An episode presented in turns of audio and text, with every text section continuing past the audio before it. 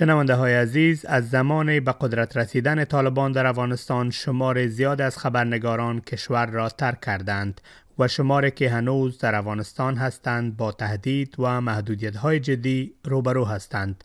ما اکنون خانم خاطره احمدی یکی از خبرنگاران طلوع نیوز را از کابل با خود داریم تا در مورد وضعیت خبرنگاران افغان صحبت بکنند. خانم احمدی سلام بر شما و تشکر از این که به برنامه دری اس بی اس وقت دادین. سلام به شما چنان خدا کنه خوب باشین. تشکر از خود شما که فرصت دادین. ممنون.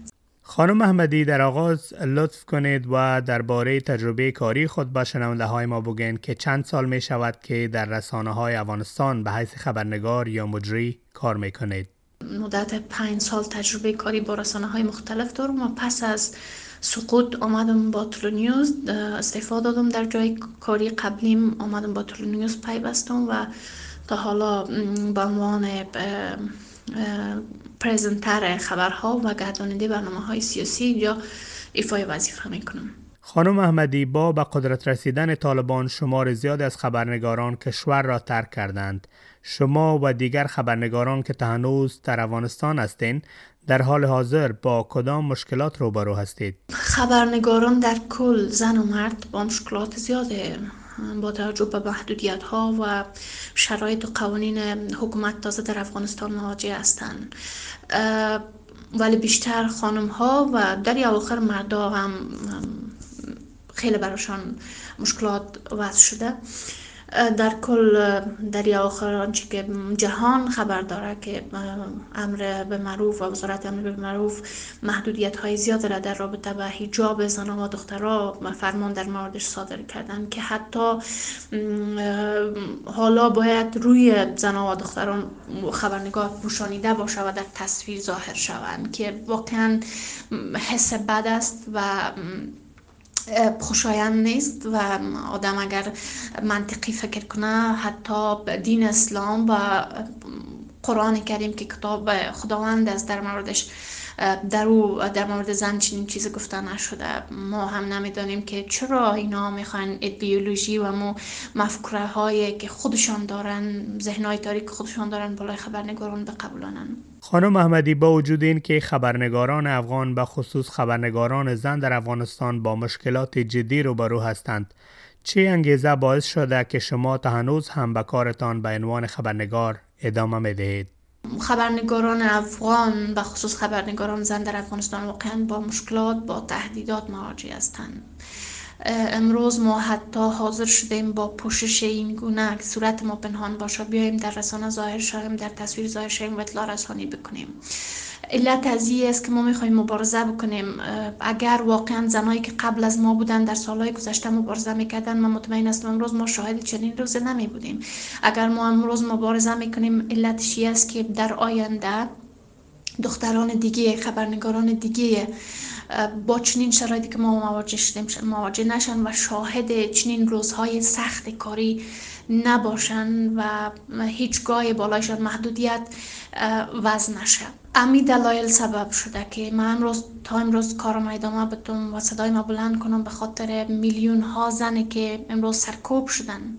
می می‌خوایم صدای از اونا باشم. حداقل بر از اونا روحی مثبت بدم که ما هستیم و حذف نمیشیم. خانم احمدی آیا به دلیل کارتان با یک رسانه تصویری احساس خطر می‌کنید؟ بر علاوه من تمام همکاران ما احساس خطر می‌کنن. چی از طبقه ذکر چی ما دخترها و زنا. ما در یک رسانه تصویری کار می‌کنیم. هر لحظه و هر دقیقه ما با توجه به شرایط تهدید است. خطر متوجه ما است. ولی باز هم ما آمدیم به خاطر زنای افغان به خاطر از اینکه روحیه مثبت برشان بدیم کار می‌کنیم. دقیقا که همه ما احساس خطر می‌کنیم. چون آزادی بیان در کل در افغانستان در خطر نابودی قرار داره. اینا گاه دوست ندارن اطلاعات را آزادی بیان را چی رسد به یک خانم یک دختر بیایه خبر بگویه پرزنت کنه برنامه پیش ببره.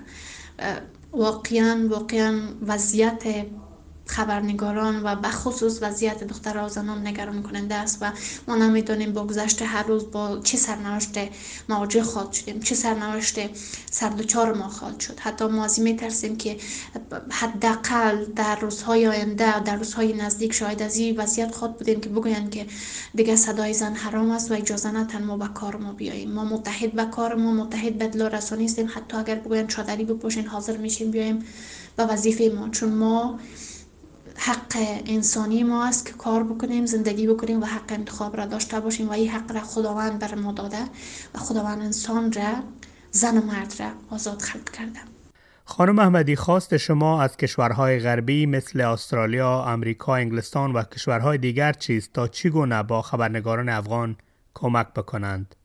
خب ما هم مایه خواست داریم صدای ما را جهان بشنوند.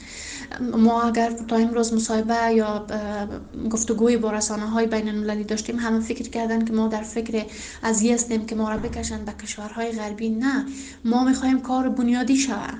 درست است که حالا همگی در فکر فرار هستند چون برای ما جای نیست در وطن ولی در کنارش می‌خواهیم کار شود که دیگر در آینده نسل بعدی شاید اینی وضعیتی که ما امروز هستیم نباشند. ما از کشورهای جهان که متاسفانه امروز که روز سوم کار ما با پوشش این گونه است و همکارای مرد ما اعتراض کردن و ماسک زدن تا امروز برنامه پیش می‌برن به حمایت از ما جهان خاموش است. کشورهای جهانی منطقه و جهان همه خاموش هستند و هیچ متاسفانه متاسفانه هیچ واکنش آنچنانی که باید باشه ما ندیدیم. و این واقعا برای من و حیث یک زن به حیث یک خبرنگار واقعا جای تصف است که چرا جهان خاموش است؟ چرا صدای حداقل بلند نمی کنند به نمایندگی از ما سازمان های حامی زنان سازمان های حامی خبرنگاران بالاخره چرا واکنش جدی نشون نمیتن امروز همگی خاموش هستند ما از کشورها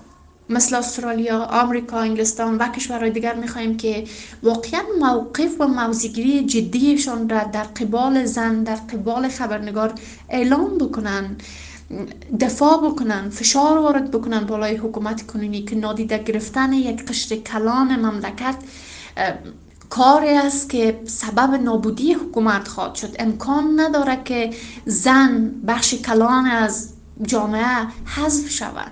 بالای اینا فشار وارد بکنن که اینی مسائل را مد نظر بگیرن. اینا خود مختار ماندن حکومت کنونی را هر روز ما شاهد یک فرمان جدید هستیم و اینا هم تشویق شدن که جهان چیز نمیگه بیا هر چی دل ما خواست می‌کنیم. ما امیدوار هستم که کشورها به داد خبرنگاران برسن. اگر روند تخلیه است اگر حمایت می‌کنن لطفا لطفا لطفا صادقانه باشه و شفاف باشه و همین همین. من نمی‌دانم چی خواست بالاخره از اینا داشته باشم. و ما واقعا جای تاسف می‌دانم که امروز همگیشان خاموش هستند خانم احمدی تشکر از این معلوماتتان. روز خوش داشته باشین. ممنون. تشکر از شما.